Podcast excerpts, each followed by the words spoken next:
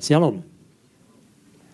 Tuhan mau melakukan sesuatu yang lebih besar dalam hidupmu. Baik, pesan ini ada intinya ada tentang suatu, ada perlu adanya suatu perubahan. Dan untuk suatu perubahan itu diperlukan suatu kesiapan. Kesiapan untuk melakukan perubahan itu sendiri. Segala sesuatu berubah, dunia berubah, manusia berubah. Kita harus akui yang tidak berubah itu hanya Tuhan. Tuhan itu tidak berubah. Tuhan itu tetap sama dahulu, sekarang, sampai selama-lamanya. Jadi yang dimaksudkan dengan pesan Tuhan di minggu ini adalah bahwa kita yang harus berubah. Manusianya yang harus berubah.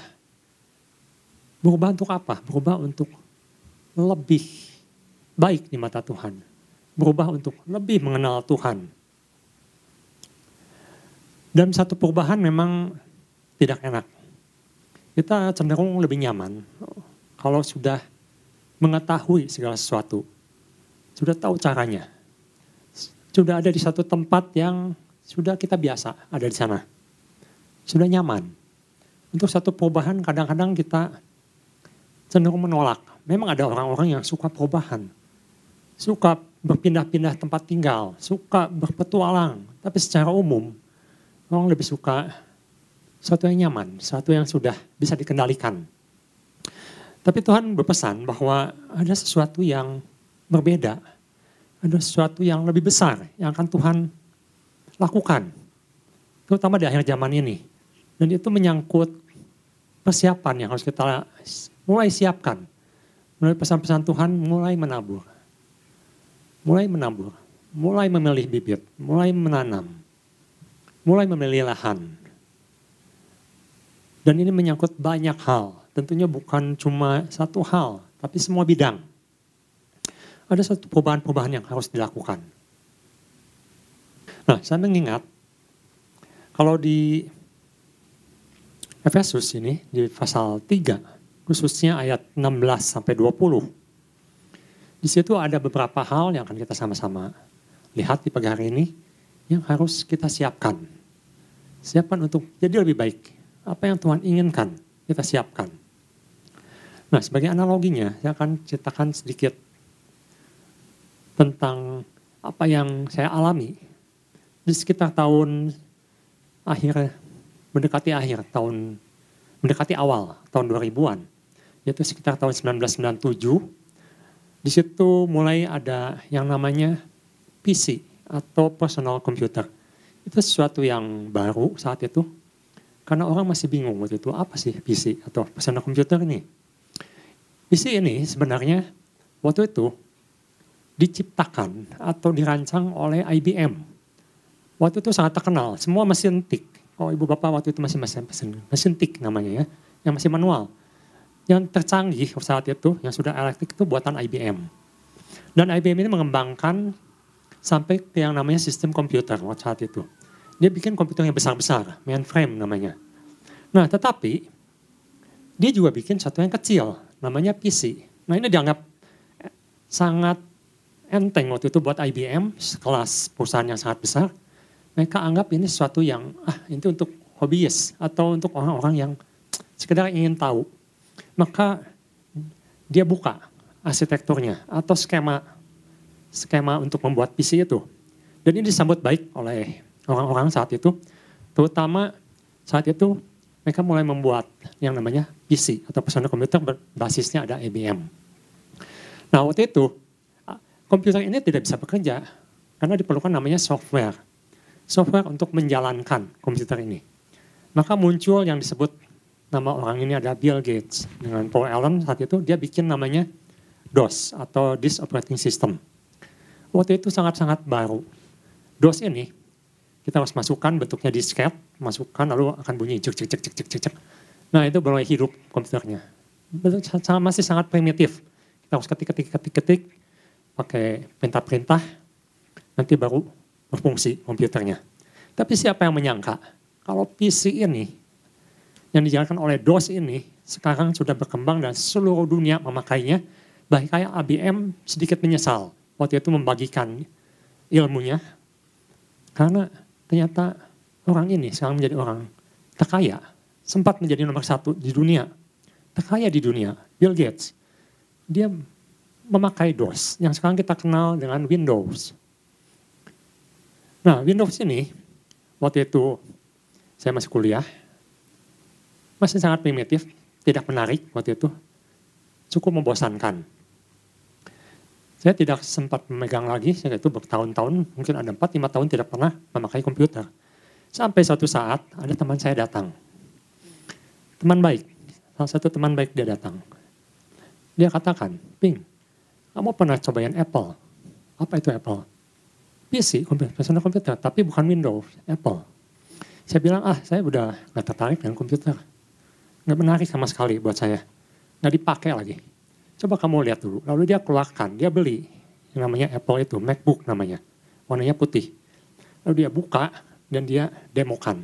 Kamu lihat, dia bisa lakukan apa saja. Waktu saya lihat, saya terkagum-kagum. Luar biasa.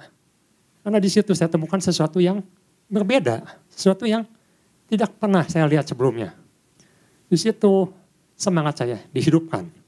Ada spirit yang di, dikobarkan. Waktu melihat saya sangat sangat tertarik. Langsung jatuh cinta pada yang namanya MacBook ini. Dia demokan, kamu bikin apa? Bikin komik. Dia keluarkan, komik live. Dibikin hanya dengan drag. Namanya waktu itu masih terkenal dengan click and drag. Hanya cukup diklik, lalu di drag kamarnya. Dimasukkan, selesai. Tinggal ketik-ketik-ketik, jadilah. Kamu bikin apa? Komik. Jadi hanya dalam beberapa menit. Dan bikin apa lagi? Waktu itu presentasi masih menggunakan PowerPoint. Dia katakan saya kasih lihat, namanya keynote. Saya sampai kaget karena hanya dalam hitungan beberapa menit saja bisa bikin sesuatu yang sangat-sangat indah. Ada musiknya, ada presentasinya. Kalau sekarang mungkin sudah tidak asing, tapi saat itu itu sesuatu yang luar biasa. Mulailah dikenalkan dengan namanya iWork, iLife disebutnya. Ingin musik, mengedit musik, berbagai macam musik, tinggal dimasukkan. Nah yang saya maksudkan sini, saya bukan endorse Apple, tapi ini suatu kenyataan yang kita bisa lihat. Ketika seseorang menyampaikan sesuatu yang baru, sesuatu yang belum pernah kita alami, kita belum terbayangkan seperti apa yang dia tawarkan. Dan ketika dia tawarkan itu satu yang wah, satu yang luar biasa, satu yang membangkitkan semangat, satu yang membangkitkan spirit kita, sehingga kita menjadi hidup kembali, semangat kembali. Sehingga kita ada keinginan untuk mulai belajar kembali. Mulai menyelidiki, mulai ingin mengenal lebih lagi. Itu yang saya lakukan. Saya mulai membeli buku-buku, magazines, buku-buku majalah. Saya beli bukunya khusus tentang operating system waktu itu. Untuk iOS 10 waktu itu ya terkenal. Saya pelajari semua. Sampai menguasai semuanya.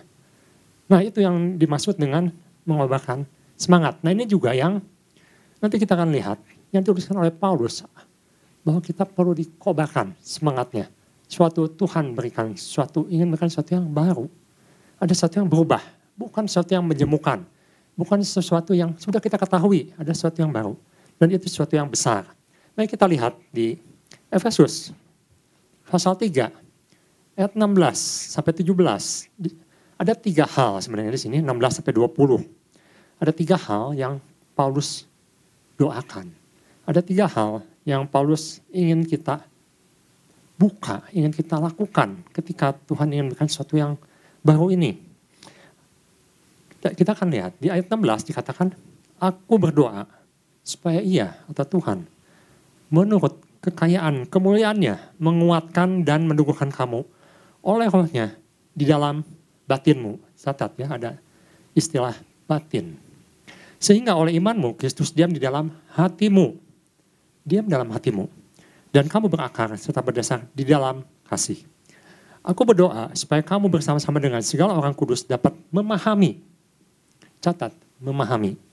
Betapa lebarnya, panjangnya, tingginya, dan dalamnya kasih Kristus. Dan dapat mengenal kasih itu sekalipun ia melampaui segala pengetahuan. Aku berdoa supaya kamu dipenuhi di dalam seluruh kepenuhan Allah. Ada kepenuhan Allah bagi dialah yang dapat melakukan jauh lebih banyak daripada yang kita doakan dan pikirkan apa yang kita pikirkan. Seperti yang ternyata dari kuasa yang bekerja dalam kita. Jadi sini Paulus katakan, aku berdoa. Aku berdoa supaya roh Tuhan menguatkan, meneguhkan kamu di dalam batinmu, di dalam hatimu. Jadi ini berhubungan dengan hati. Aku berdoa supaya kamu bersama-sama dengan seorang kudus dapat memahami. Memahami, sini berhubungan dengan pikiran. Betapa lebarnya, panjangnya, tingginya, dalamnya kasih Kristus. Sangat menarik di sini, ada dua kata yang dipakai di sini. Yaitu tentang suatu pengertian, mulai mengerti. Di sini memakai, kalau terjemahannya memakai kata comprehend. Comprehend itu sesuatu yang solid, sesuatu yang utuh. Bukan cuma tahu, bukan cuma mengenal, tapi lebih lagi, plus. Mengerti, mengenal, plus. Dalam semua hal. Sama ketika saya tertarik, ketika seorang memberikan sesuatu yang baru, saya ingin mengenal semuanya. Saya ingin tahu semuanya. Comprehend. Sangat lengkap. Itu yang harus kita lakukan. Dan di sini ada hubungan dengan spirit atau roh Tuhan. Dan ada juga hubungan dengan hati. Karena Paulus katakan, supaya Kristus diam di dalam hatimu. Jadi ada tiga hal yang akan kita renungkan hari ini. Itu mengenai spirit atau roh Tuhan, hubungannya dengan hati, dan pikiran. Ketiga hal ini ada satu ketiga hal yang perlu kita perbaharui, kita kenal lebih lagi, kita ingin lebih tahu lagi, ingin kita lebih memahami lagi, khususnya di bagian hati dan pikiran. Karena kalau ketika hati kita tertarik, ketika hati kita mau, maka kita akan mulai mencari, kita akan ingin lebih mengenal lagi. Nah, mari kita lihat tentang roh Tuhan atau spirit di sini katakan di ayat 16 dan 17 bahwa roh Tuhan ini akan memberikan kekuatan atau power. Kita sudah dengar kemarin juga ada hamba Tuhan mengatakan sesuatu yang dunamos, sesuatu yang besar, sesuatu yang kuat. Untuk apa? Untuk menguatkan. Ini adalah satu dasar yang Paulus katakan sebelum segala sesuatunya dimulai. Sebelum kita ingin memperkuat atau ingin mendapatkan sesuatu yang baru, maka yang pertama, kita harus minta roh Tuhan menguatkan kita. Karena ini berhubungan dengan batin. Ayat 16 katakan, menguatkan dan meneguhkan kamu oleh rohnya di dalam batinmu. Batin adalah berbicara tentang apa yang ada dalam manusia. Melalui iman. Jadi di sini apa yang kita kuatkan dahulu adalah batin kita manusia yang ada di dalam kita, bukan lingkungan kita, bukan apa yang ada dalam luar kita, tetapi hati kita kita siapkan, pikiran kita kita siapkan. Jadi sesuatu yang ada di dalam. Karena ini ada sesuatu berhubungan dengan ayat 19 dan 20 katakan berhubungan dengan pengetahuan. Pengetahuan itu ada di dalam pikiran, ada di dalam otak. Tetapi pikiran ini tidak bisa menerima sesuatu yang besar, yang luar biasa, yang di luar kemampuan manusia. Nah ini yang akan Tuhan nyatakan. Hanya roh Tuhan yang bisa menyatakan hal ini. Hanya roh Tuhan yang bisa menguatkan kita untuk bisa mengerti. Kita akan lihat 2 Korintus 5 ayat 17. Paulus mengatakan bahwa kita ini adalah ciptaan yang baru. Kita ini adalah manusia baru. Bukan manusia lama. Oleh karena itu sesuatu yang baru, sesuatu yang mungkin berbeda pasti berbeda. Sesuatu yang berubah itu harus diterima dengan sesuatu pemahaman yang baru juga. Jadi siapa yang ada di dalam Kristus, ya adalah ciptaan baru. Yang lama sudah berlalu, sesungguhnya yang baru sudah datang. Jadi sesuatu yang biasa kita lakukan, kita terima, apa yang kita biasa kita pikirkan, itu harus berubah. Berubah untuk siap menerima sesuatu yang baru. Sesuatu yang mungkin berbeda dan itu pasti akan berbeda. Karena Tuhan mengatakan ada sesuatu yang berbeda. Jadi yang lama, yang biasa kita lakukan, kita harus mulai belajar untuk mau meninggalkan. Tapi Pak, di kita ini biasanya begini. Kita biasa lakukan seperti ini. Kalau di gereja saya harus begini. Kalau di gereja saya harus begitu. Nah ini yang perlu kita siapkan ketika Tuhan mewahyukan sesuatu, bukan sesuatu. Kita harus siap untuk berubah. Sesuatu yang mungkin menurut kita biasa tidak begini. Kenapa harus berubah? Ini udah baik, sudah bagus. Tapi Tuhan katakan ada yang lebih bagus. Ada yang lebih baik. Contohnya ketika orang Israel keluar dari Mesir, kita bisa lihat bahwa mereka masih mempunyai orang yang lama atau disebut spirit yang lama, semangat yang lama. Di mana spirit ini masih tinggal di Mesir. Ketika Tuhan katakan, aku akan berikan satu tanah yang lebih indah, tanah yang lebih besar, tanah yang lebih melebihi segala sesuatunya, berlimpah susunya, berlimpah madunya. Apa yang dipikirkan orang Israel saat itu? Mereka pikir, kami sudah puas di Mesir. Di sana ada daging. Tuhan katakan, di sana juga ada daging. Bahkan lebih banyak. Bermacam-macam daging. Mereka katakan, aku, kita lebih suka bawang putih. Tuhan katakan, di sana ada madu. Di sana ada ladang. Kamu mau nanam apa pun bisa. Sesuatu yang tidak terpikirkan. Tetapi mereka memilih untuk kembali ke sesuatu yang lama. Tidak ada perubahan. Tidak mau berubah. Kita sudah nyaman dulu situ kita bisa makan daging, bisa makan bawang. Kenapa kita harus masuk ke sesuatu yang baru? Yang mereka bilang kita belum tahu. Kenapa kita harus merubah gaya hidup kita? Mengapa kita harus berubah kebiasaan kita? Tapi Tuhan katakan di sana, nanti, di depan, ada sesuatu yang berbeda. Sesuatu yang lebih indah. Sesuatu yang lebih mulia.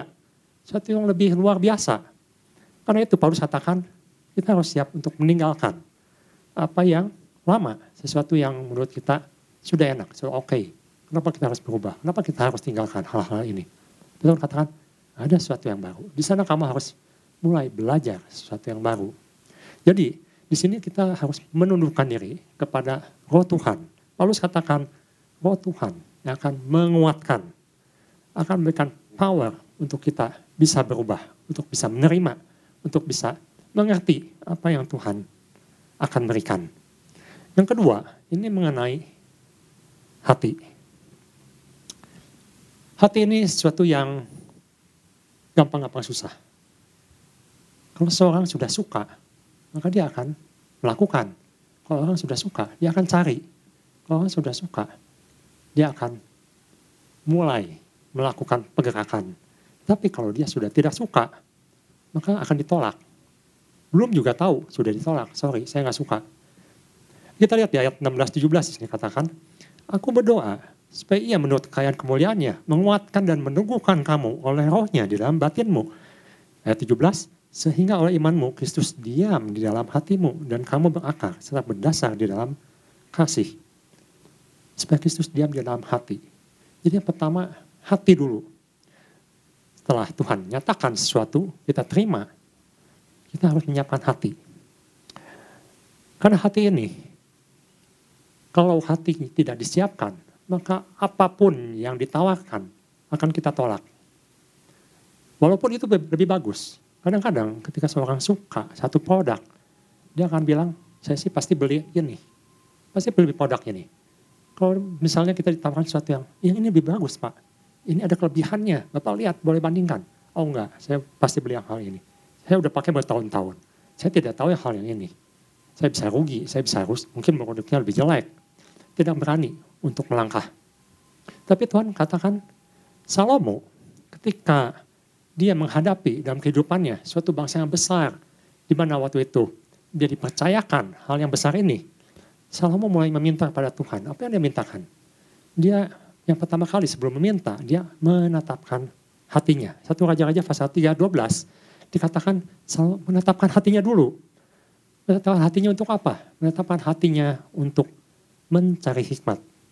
Untuk mendapatkan hikmat, mendapatkan pengertian. Itu yang Salomo tetapkan pertama kali sebelum dia melangkah.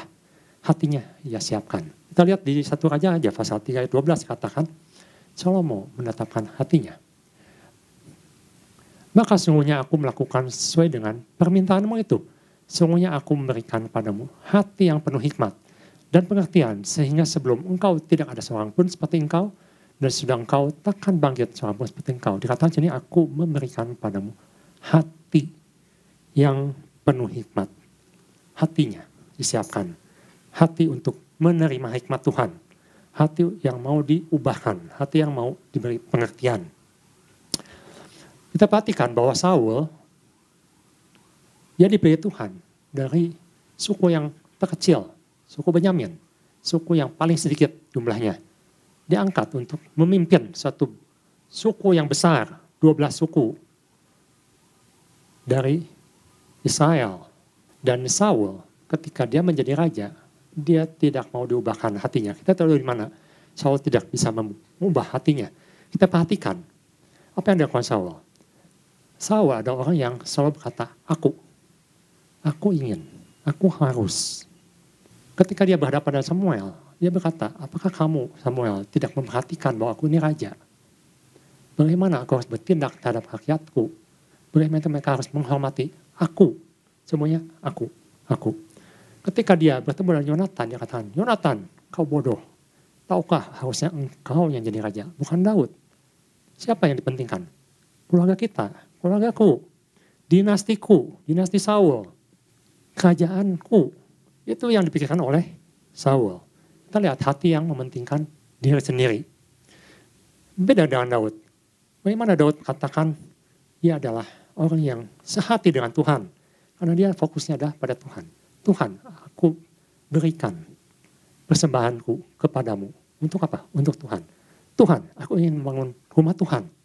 Untuk siapa? Untuk Tuhan. Tuhan, aku ingin kota yang suci. Untuk apa? Supaya orang datang beribadah. Untuk Tuhan. Tuhan, aku bekerja untuk siapa? Untuk kerajaan Allah. Itu bedanya Daud dengan Saul. Daud mempersiapkan hati untuk Tuhan. Itu yang perlu kita tanamkan. Bahwa ketika Tuhan akan menyatakan sesuatu yang maka kita siap dengan hati kita untuk Tuhan. Bukan untuk aku. Memang kalau kita perhatikan berkat rohani sejalan dengan berkat jasmani Daud diberkati luar biasa, kaya sekali. Bahkan semua raja-raja bahkan takluk di sekitarnya, Filistin, Amon, Moab. Semua takluk di hadapan Daud. Tetapi fokusnya dia bukan untuk dirinya, tapi untuk Tuhan. Itu yang paling penting. Kita siapkan hati untuk Tuhan. Jadi bukan soal teknis. Mungkin kita akan menghadapi masalah-masalah teknis kita harus lakukan ini. Biasanya nggak berlaku seperti itu. Tapi kita kembali perhatikan ini untuk siapa? Apakah untuk kebesaran gereja kita? Apakah untuk kebesaran pelayanan kita? Atau untuk Tuhan? Sesuatu yang lebih jauh yang Tuhan akan berikan. Ada seorang namanya John Sung. John Sung ini sangat terkenal di Asia. John Sung ini adalah orang yang sangat pandai. Dia berasal dari China dan dia belajar ke Amerika. Dalam empat tahun dia menyelesaikan doktoralnya, seorang ahli kimia. Seorang yang sangat talented, sangat-sangat pandai. Bahkan di Amerika pun, dia sudah ditawarkan berbagai macam posisi dengan gaji yang besar. Tetapi hatinya, hatinya dia berikan untuk Tuhan. Dia ingin menjadi penginjil. Sesuatu yang tidak populer saat itu, di tahun 40-an, 50-an itu, untuk jadi penginjil. Bapaknya seorang pendeta, dia katakan bapaknya miskin. Bapaknya nggak ingin, dia pengen anaknya lebih baik. Ingin lebih berkembang. Dia katakan kamu nggak cocok jadi pendeta. Tapi dia katakan aku ingin jadi penginjil. Dan dia buang semua uh, apa penghargaan-penghargaan yang dia dapat. Dia hanya menyisakan satu ijazah yang akan ditunjukkan pada ayahnya, ibunya. Bahwa dia sudah lulus. Jadi John Sung ini mempunyai hati yang rindu untuk melayani Tuhan Filipi 3 ayat 8 sama seperti yang Paulus katakan. Paulus membuang semua kebanggaannya. Paulus membuang semua kehebatannya. Dia katakan itu semua aku anggap sampah. Yang dulu aku banggakan, yang dulu aku anggap hebat. Sekarang aku anggap sampah. Demi apa? Demi memperoleh yang lebih berharga. Dikatakan di sini, malahan segala sesuatu aku anggap rugi karena pengenalan akan Kristus Yesus. Jadi ada, ada dia ada suatu target yang lebih jauh, yaitu ingin mengenal Kristus lebih sungguh. Tuhanku lebih mulia daripada semuanya. Oleh karena dialah aku telah melepaskan semuanya. dan menganggapnya sampah supaya aku memperoleh Kristus. Ada target yang lebih mulia, ada target yang lebih baik. Itu yang dilakukan oleh John Sung. Dan kita lihat bahwa John Sung ini membawa kebangkitan di Asia, khususnya dalam kekristenan.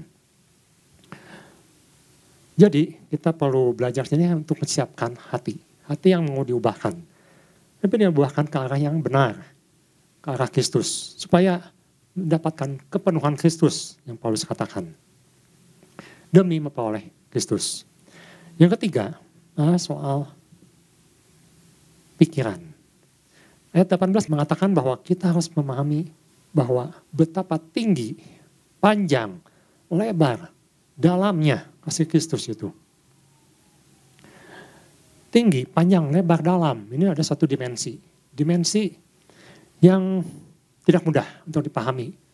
Karena ini berbicara tentang sesuatu yang kalau kita zaman sekarang katakan holistik. Sesuatu yang menyeluruh, bukan cuma di satu sisi. Paulus di sini tidak mengatakan supaya kita bisa mengetahui tingginya saja. Cukup tahu tingginya, atau panjangnya saja, atau lebarnya saja. Tetapi Paulus katakan tinggi, panjang, lebar, dalam. Artinya semuanya. Semuanya harus dimengerti. Dimengerti oleh Papa termasuk oleh pikiran kita. Tadi dikatakan Tuhan itu terlalu mulia, terlalu sulit untuk dimengerti.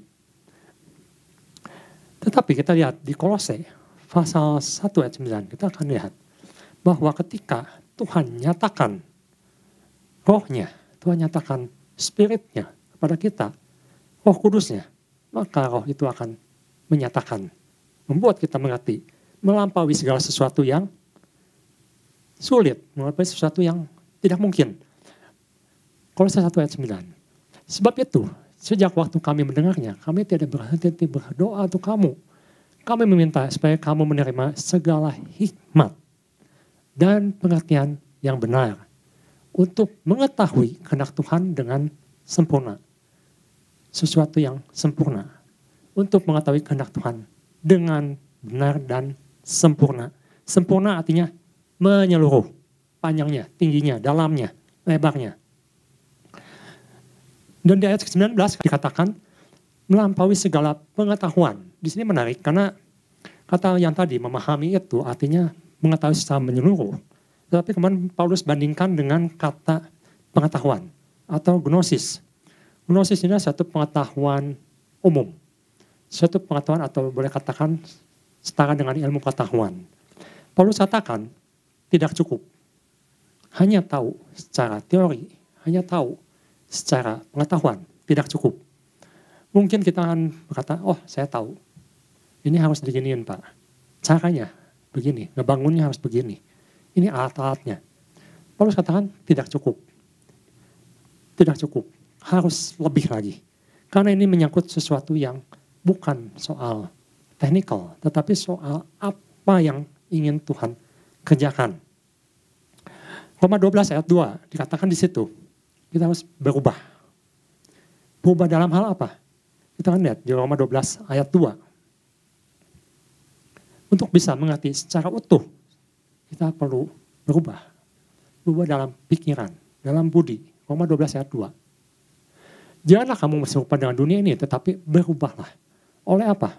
Pembaharuan budimu. Sehingga kamu dapat membedakan mana kehendak Allah, apa yang baik, apa yang berkenan pada Allah, dan yang sempurna. Jadi ada suatu pemahaman yang bisa membedakan. Mungkin alatnya sama, mungkin caranya sama, tetapi pengertiannya berbeda.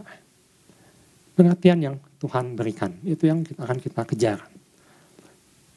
Pengertian sehingga kita bisa mengerti percis, ini loh yang Tuhan inginkan, bukan yang ini bukan ke situ. Kita bisa bandingkan ketika dengan seorang yang namanya Yunus. Yunus ini adalah seorang nabi yang Tuhan utus ke Niniwe.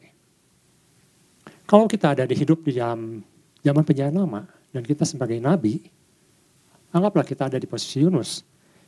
Memang ini ada sesuatu yang baru. Bagaimana mungkin Tuhan suruh menginjili, menyampaikan kabar baik kepada suatu bangsa yang jahat, bangsa yang kejam, yaitu bangsa Asyur, bangsa yang besar, Tetapi yang nilai kemanusiaannya adalah sangat rendah. Bangsa yang biadab. Tidak umum. Karena nabi-nabi diutus hanya kepada orang Yahuda, orang Samaria, orang Israel. Nabi jarang diutus kepada satu bangsa yang lain. Sedangkan Yunus waktu itu adalah posisinya disuruh pergi ke satu negara. Negara yang tanda kutip adalah musuh Israel. Untuk mempertobatkan mereka. Karena itu Yunus berontak. Yunus katakan, Tuhan, biasanya Tuhan suruh itu ke orang Yahuda. Tuhan suruh ke orang Israel. Kok sekarang disuruh ke bangsa lain? Ini ini nggak benar. Menurut Yunus nggak benar. Tuhan salah. Ini ada bangsa yang jahat. Nggak layak. Bagaimana dengan hukum Taurat Tuhan? Mata ganti mata. Gigi ganti gigi. Harusnya orang ini, bangsa ini dimusnahkan. Itu yang betul. Itu menurut Yunus. Tetapi kita lihat suatu pikiran yang belum terbuka. Kalau Tuhan punya rencana, Tuhan ingin menunjukkan saat itu bahwa Tuhan mengasihi segala bangsa. Karena di Yunus, di terakhir Tuhan katakan, aku mengasihi mereka. Itu yang Yunus tidak bisa tangkap. Hati Yunus memberontak. Yunus katakan, tidak bisa Tuhan. Tidak layak bangsa ini. Saya tidak mau. Nah jangan seperti Yunus. Tuhan ingin kita mempunyai satu pikiran yang terbuka. Mungkin kita lebih baik bertanya, Tuhan mengapa aku harus ke sana? Mengapa Tuhan harus bangsa ini yang Tuhan selamatkan? Mengerti keseluruhan apa yang Tuhan pikirkan, apa yang Tuhan inginkan. Karena kalau sesuatu yang sudah biasa kita lakukan, kita akan cenderung terkungkung dalam pikiran kita itu. Sesuatu yang tidak kita suka. Biasanya begini ya Tuhan. Harusnya begini ya Tuhan. Kata saya masalah Tuhan. Saya emang gak mau. Karena ini gak sesuai Tuhan. Kadang-kadang Tuhan bikin sesuatu yang aneh. Sesuatu yang berbeda. Sesuatu yang bikin sesuatu orang tidak suka. Kita lihat, Niniwe cuma diinjili satu hari sama Yunus.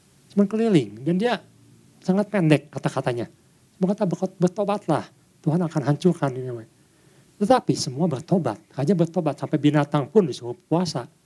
Bagaimana kita bisa mengetahui kalau Tuhan punya rencana yang begitu hebat, begitu besar, kalau kita menghindar seperti Yunus.